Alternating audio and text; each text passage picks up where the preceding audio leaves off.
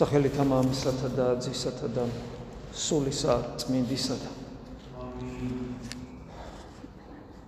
ალბათ ჩემი დღევანდელი საუბარი ქადაგებაზე უფრო მეტად იქნება გარკვეული გასაუბრება თქვენთან, ეკლესიის სულიერ შვილებთან, მრევლთან, აქ მდგომარებთან და ვინც აქ არის ყოფება იმ გამოწვევებზე, რომელიც მთელი მსოფლიოს ჩვენი სამშობლოს და ჩვენი ეკლესიის და თითოეული ჩვენგანის ჩვენ ჩვენ ჩვენგან ჩვენ თითოეულ ჩვენთანგან თან არის იმყოფება ეს გამოწვევა.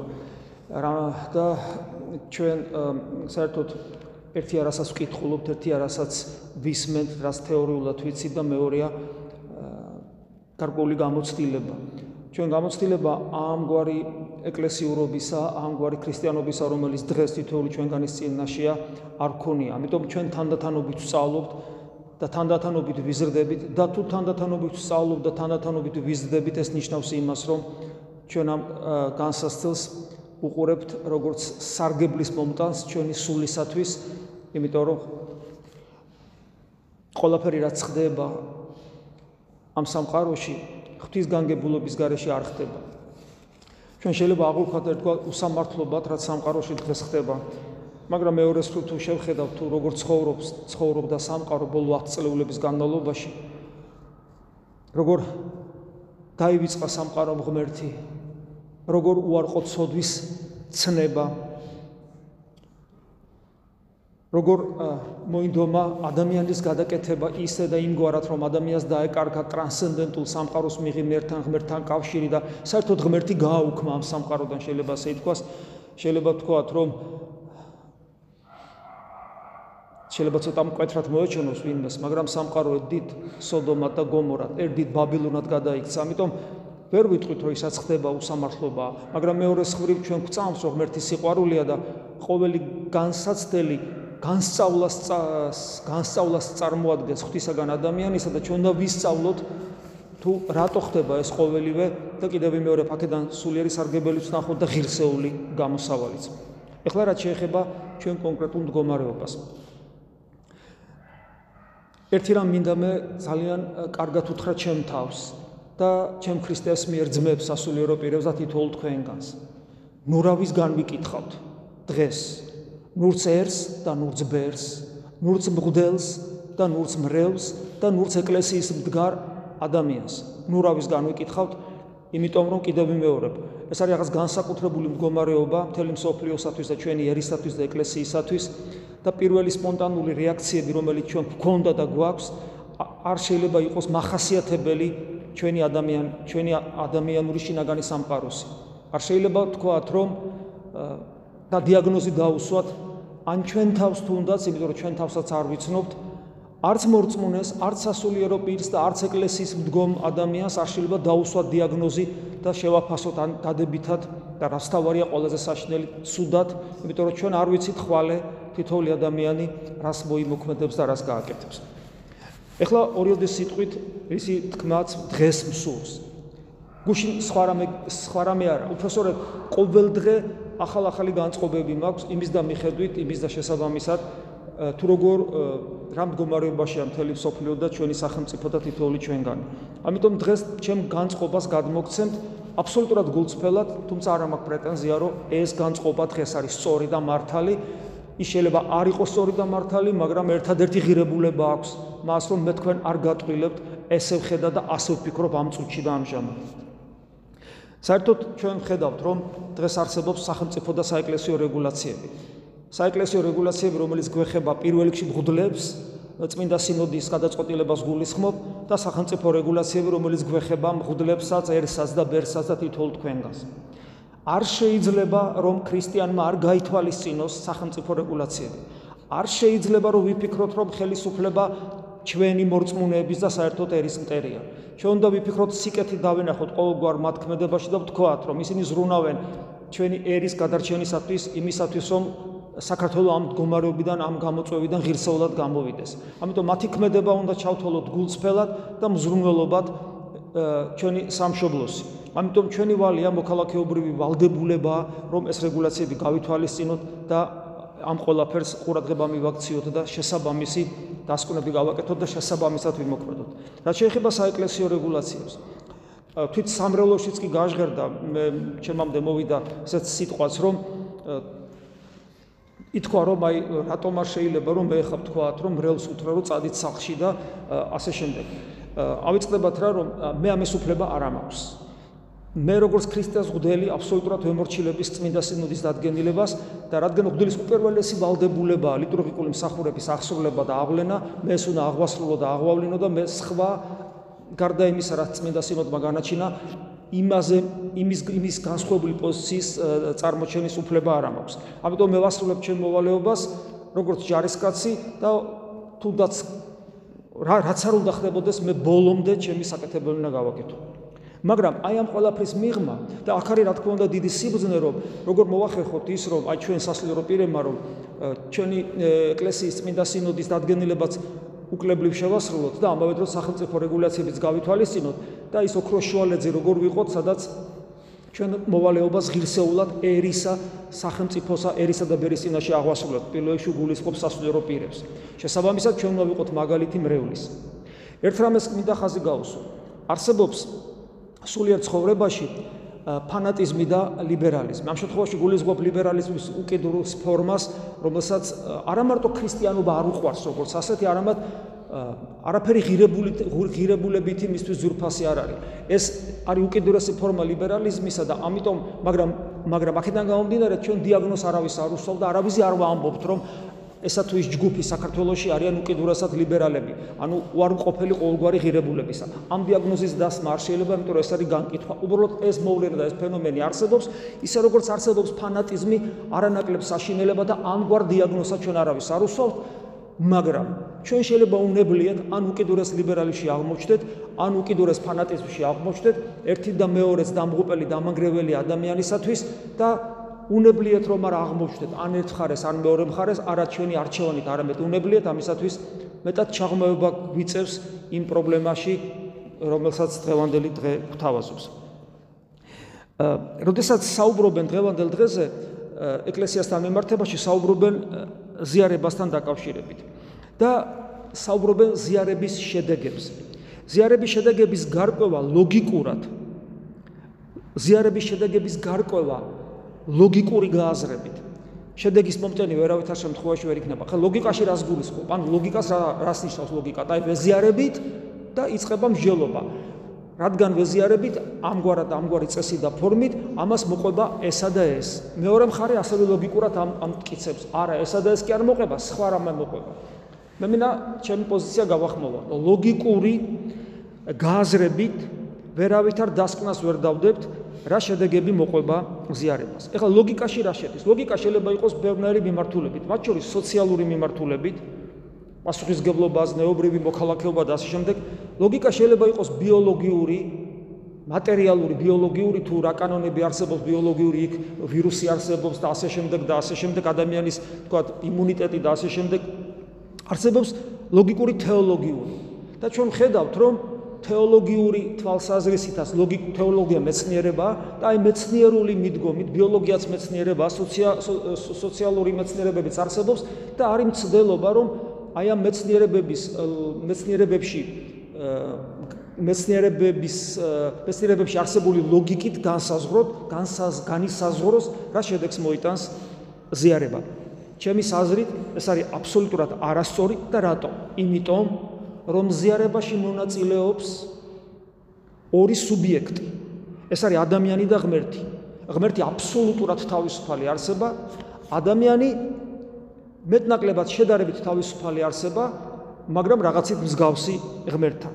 აი სწორედ იმის გამო, რომ ორი სუბიექტი, ორი თავისუფალი არსება მონაწილეობს ზიარებაში, ანუ ღმერთთან ერთობას გულისხმობ, ამიტომ და რადგან თავისუფალი ნიშნავს, რომ დეტერმინირებული თავის თავი თავისუფლება არ შეიძლება იყოს დეტერმინირებული და ბოლომდე გააზრებული ლოგიკურად შესაბამისად ლოგიკით დასკვნების გაკეთება ზიარების შემთხვევაში შედეგის მომტანი ვერ იქნება. ეხლა ადამიანი როგორ მოქმედებს? როგორც სუბიექტი ერთ-ერთი მონაწილე ზიარებისა. ადამიანი მოქმედებს რწმენით თავისთავად ხადია, რომელიც ნახეთ ეხლა წმენა, წმენა რა არის? წმენა ერთ შემთხვევაში ვინც ახარება მეტნაკლებად ვიცით, წმენა ერთ შემთხვევაში შხამსაც ანეიტრალებს. გახსოვთ ხო მარკოს სახარებლიდან, რომ სასიკვდილოც რომ შესვათ არ გავნებთ, რა თქმა უნდა მიკრობიც არ გავნებს, წმენა ერთ შემთხვევაში ასე მოქმედებს, წმენა შეუულია მთების დაძრა, მთების დაძრა და მსგავსი რამ რაც ჩვენ წმინდა წერილშიც ვიცი და წმინდა წერილის გარეშეც და საკუთარი თავიდან საკუთარი თავის გამოცდილებიდან. მაგრამ მაგრამ ვინ იტყვის რომ პეტრე მოციქულს არ ქონდა რწმენა, როცა ის წყალზე მიდის, მაგრამ პეტრეს შეუსუსტდება რწმენა და იგი წყალში იძირება და ქრისტე რო არ მისულიყო დაიხჩობოდა. ვინ იტყვის რომ ანანიას და საფირას არ ქონდა რწმენა, რამე თუ ისინი ქრისტიანულ თემს უერთდებოდნენ და ეს არ იყო იული მასში, მაგრამ მათი რწმენა რაღაც სხვანაირი იყო და ამას შედეგად მათი სიკვდილი მოყვა მეხსეული გახსოვთ ეს საქმე მოციქულთაგან. ეს რამდენიმე მაგალითი იმიტომ მოვიყვანე წმინდა წერილიდან რომ დადები და უარყოფით შემთხვევაშიც ორივე შემთხვევაშიც ქრისტიანულ წმენას ვხედავთ რომელიც ერთ შემთხვევაში ასე მოქმედებს მეორე შემთხვევაში ისე მოქმედებს. ჩვენ ვერ ვიტყვით რომელი წმენა გვაქვს. ამის თქმა ადამიანს არ შეუძლია. წმენა გვაქვს ანუ ჩვენ ვართ სუბიექტი ერთ-ერთი ზიარების დროს ჩვენ გვაქვს წმენა მაგრამ როგორია ეს წმენა როგორი მოქმედებს ჩვენში? რამდენად ძლიერია ამის განსაზღვრა მე პირადად ჩემ საკუთარ თავზე არ შემიძლია.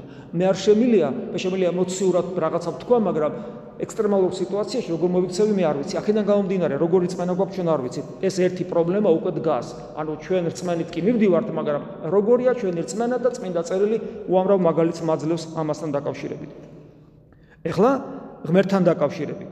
ღმერთი აბსოლუტურად თავისუფალია ვერავინ განსაზღვრავს მისი ყოვლის შემძლე ნება როგორ იმოქმედებს?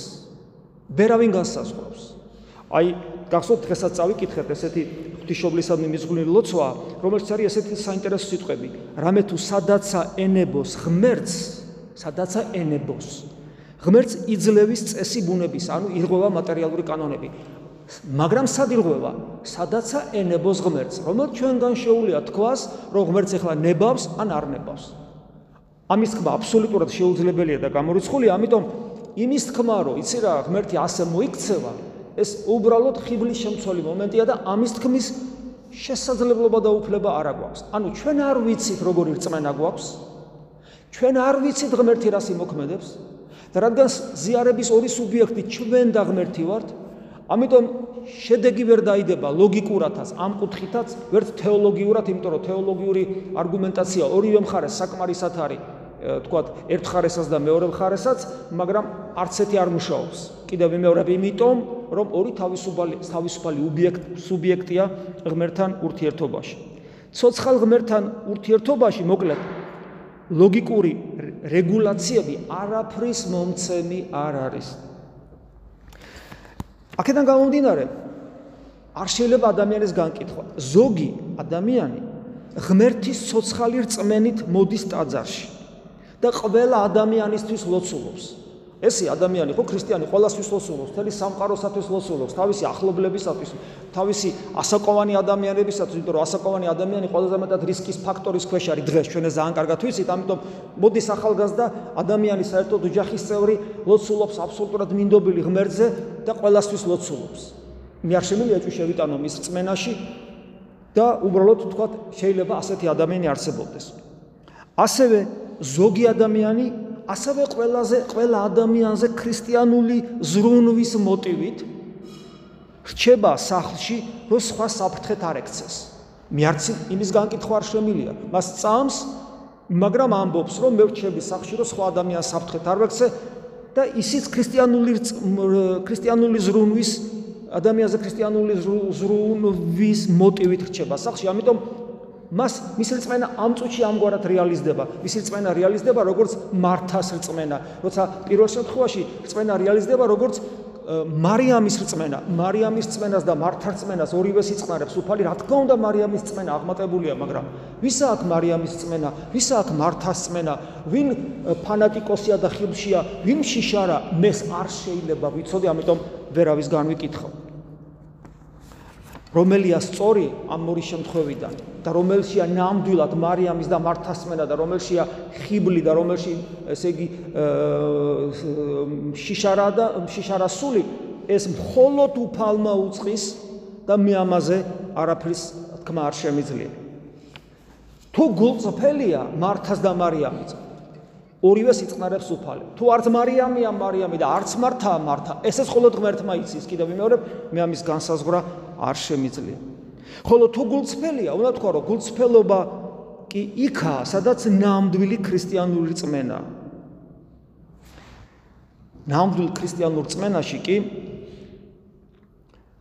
ნამდვილ ქრისტიანულ რწმენა კი ესეთი რამეა, რომელიც უკიდურეს ლიბერალიზმშიც ყდება და ფანატიზმშიც. უკიდურესი ლიბერალიზმის და უკიდურესი ფანატიზმის თანაბრად მომაკვდინებელია ცოცხალი რწმენისათვის. შესაბამისად თითოეულ ადამიანის გულში რა ხდება არავინ იცის. შესაბამისად ჩვენ ბერაბის განვიკითხავთ. ჩვენ გვჭირდება ყველაზე მეტად ერთობა. სასულიერო პირებს განსაკუთრებულად გულისხმობ ამ შემთხვევაში, იმიტომ რომ დღეს სოციალურ ქსელში დაინახავთ, რომ ყოველას განსხვავებული აზრი აქვს. პრინციპში ორ ჯგუფად დაიყო, მაგრამ მე მინდა ვთქვა, რომ ჩვენ ძმები ვართ. არა უჭირს ვინ როგორ ხედავთ. თავარი არ იყოს ჩვენში ფანატიზმი და თავარი არ იყოს ჩვენში ის უკიდურესი ლიბერალიზმი, როცა ორივე შემთხვევაში ნამდვილი ქრისტიანული რწმენა ყდება. რაც შეეხება ხვალინდელ დღეს, რა იქნება კაცმა არიცის. მაგრამ ერთი რამ მინდა ვთქვა და ამით დავასრულებ. თუ ჩვენ რეალობაში, ისეთ რეალობაში აღმოჩნდებით, სადაც მეტად გამკაცრდება რეგულაციები სახელმწიფოდან, რომელსაც სავარაუდოდ ეკლესია დაემორჩილება, იმიტომ კიდე, იმიტომ რომ, იმიტომ რომ ეს არის საომარი სიტუაცია. აი მაგალითად ჩვენ აფხაზეთში მღვდლებს, აფხაზეთი არის ჩვენი ლეგიტიმური ტერიტორია, პოლიტიკურათაც და ეკლესიურათაც. ჩვენი ეპარქია. ჩვენ არ შეგვიძლია იქ ვწიროთ. ჩვენ ხო თუ ჩვენთვის პრობლემა არ არის, საშიშროება არ არის, მაშინ წავიდეთ და იქ ვწიროთ. ჩვენ იქ ვერ ვწირავთ, იმიტომ რომ იქ იმ წამსვე საომარ სიტუაციაში აღმოჩნდებით. შეიძლება ხელისუფლება დღევანდელ მდგომარეობას ხედავდეს ასე, რომ ეს არის საომარი სიტუაცია და არანაირი პრინციპული მნიშვნელობა არ აქვს. ახლა იქ ავტომატიანი კაცით გას თუ პატარა ვირუსი, ორივე მომაკვდინებელია. თუ ჩვენ ასე შევხედავთ დღევანდელ სიტუაციას, შეიძლება ვთქვათ, რომ ეს არის საომარი სიტუაცია და საომარ სიტუაციაში ერიდაბერი ერთად უნდა მოქმედებდეს და არა ერთმანეთის საპირისპიროდ. ჩვენ უნდა ვენდოთ ერთმანეთს, ჩვენ უნდა გვიყვარდეს ერთმანეთი და ჩვენ ერთი სამშობლოსათვის ერთგულნი ერთ ქრისტე ღმერთს უნდა ვადიდებდეთ. და თუ სიტუაცია გამკაცდება, რეგულაციები გამკაცდება და ჩვენ სახელმწიფო და ეკლესია კვლავ ვითანამშრომლებთ ერთმანეთთან, მაშინ უმთავრეს ძლავრი არაღად, რომ ჩვენ გულში ქრისტეს მადლი არ შემცირდეს, რადგან თქვა შეიძლება ზიარებას მოვაკლდეთ ობიექტური ის იარაღი რომლითაც ჩვენში ღვთის მადლი არ შემცირდება ეს არის ისიხასტური პრაქტიკა გონიერი ლოცვის პრაქტიკა. რომელსაც სწავლობთ სწავლობდით და კიდე უნდა ვისწავლოთ იმიტომ რომ ასეთ შემთხვევაში ჩვენი გული გახსნილი იქნება ჩვენი უფლის იესო ქრისტესათვის. და რადგან კიდე ვიმეორებ ზიარების ზიარებ ევქარისტიული ცხოვრების, ლიტურგიკული ცხოვრების, ანუ ზიარებასთან შეხების მოკლების, აი ამ სახურების მოკლების ობიექტური მიზეზი არსებობს და არა ჩვენი სიზარმაცის გამო, ამიტომ გონიერილოსის პრაქტიკა ერთგვარ კომპენსაციას გააკეთებს ამ ყოველივესი და ჩვენ მადლის გარეშე არ დავრჩებით და ჩვენი აღსება მადლით და მოხვეჭა მადლისა, რომელიც ჩვენი ვალდებულება ეკლესიური ცხოვრების დროს კვლავ გაგრძელდება. და როცა ეს განსასწრელი გადაივლის, თავიდან არ დავიწყებთ სულიერ ცხოვრებას და გავაგრძელებთ იქ არათუ იქიდან სადაც გავჩერდით, არამედ კიდევ უფრო წინ წასული ღვთის წინაშე, რამე თუ კიდევ ვიმეორებ ეკლესიური ცხოვრების და ქრისტიანული ცხოვრების მიზანი, სწორედ ერთ-ერთი მიზანი გამოთქმული წმინდანთა მიერ არის მადლის მოხვეჭა. მადლის მოხვეჭა გაგრძელდება, თუნდაც ზიარებას მოვაკლდეთ, თუ ამას ჩვენ გარკვეული მდგომარეობა ექსტრემალური მოგვიტას. ჩემ თავს თითოეულ თქვენგანს, ჩელთელ საქართველოს ყველა ქრისტიანს და არაქრისტიანს უსურებ რომ გქონოდეს მткиცერწმენა, ერთმანეთისადმი ნდობა და სიყვარული და ღირსეულად გამოსულიყავით ყველანი ერთად აღირსია ღირსეულად როგორც ადამიანები და როგორც ქრისტიანები როგორც ჩვენი სამშობლოს მოქალაქენი ღირსეულად გამოსულიყავით ამ განსასწრელისაგან ამინ მადლი უფლისა ჩვენისა იესო ქრისტეს და სიყვარული ღვთისა და მამისა და ზიარება სული საწმინდისა იყოს თქვენ ყოველთა თან. ამინ.